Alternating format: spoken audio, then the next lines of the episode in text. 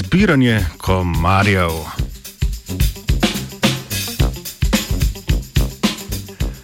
Ste v letošnjem poletju zmečkali kakšnega komarja? Ste kdaj pomislili, da bi ga ulovili in poslali v laboratorij?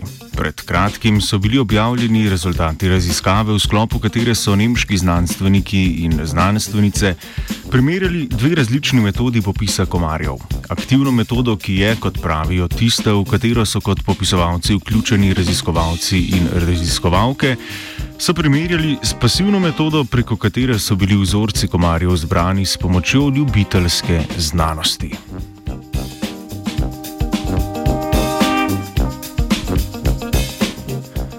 Širjenje invazivnih vrst komarjev po svetu je večinoma posledica globalizacije in delno tudi podnebnih sprememb. S prenašanjem komarjev pa se po svetu lahko ob primernih pogojih širijo tudi bolezni, kot je za človeka nevaren virus Zahodnega Nila.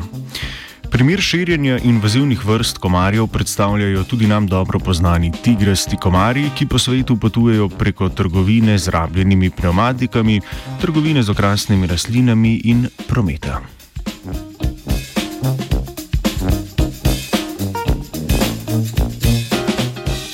Z namenom raziskovanja komarjev je bil v Nemčiji od leta 2011 do nedavnega vzpostavljen program spremljanja njihovih populacij. Sprva so komarje popisovali zgolj raziskovalke in raziskovalci, leto pozneje pa se je z namenom popisa vzpostavil tudi nacionalni program ljubiteljske znanosti. V raziskavi je namreč lahko sodeloval prav vsak in sicer tako, da je v laboratorij skupaj s podatki o datumu in kraju ulova poslal celega in nezmečkanega komarja. S pomočjo ljubiteljev in ljubiteljic znanosti je bilo zbranih kar 138 tisoč vzorcev komarjev.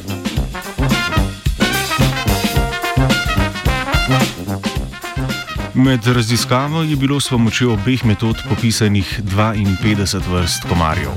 Aktivno spremljanje komarjev, ki so ga izvajali raziskovalci in raziskovalke, je bilo bolj učinkovito pri popisu vrstne raznolikosti komarjev, pasivna metoda pa pri popisu invazivnih vrst.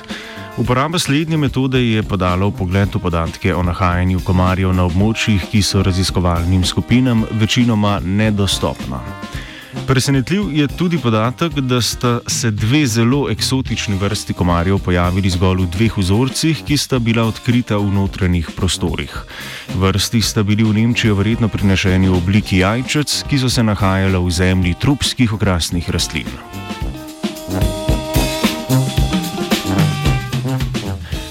Člani raziskovalne skupine v članku pravijo, da se metodi aktivnega in pasivnega spremljanja komarjev dopolnjujeta in pomembno vplivata na poznavanje njihove vrstne raznolikosti ter na odkrivanje invazivnih vrst. Predlagajo tudi uporabo takšne metode na drugih področjih po svetu, kjer je problematika komarjev kot prenašalcev bolezni še večja.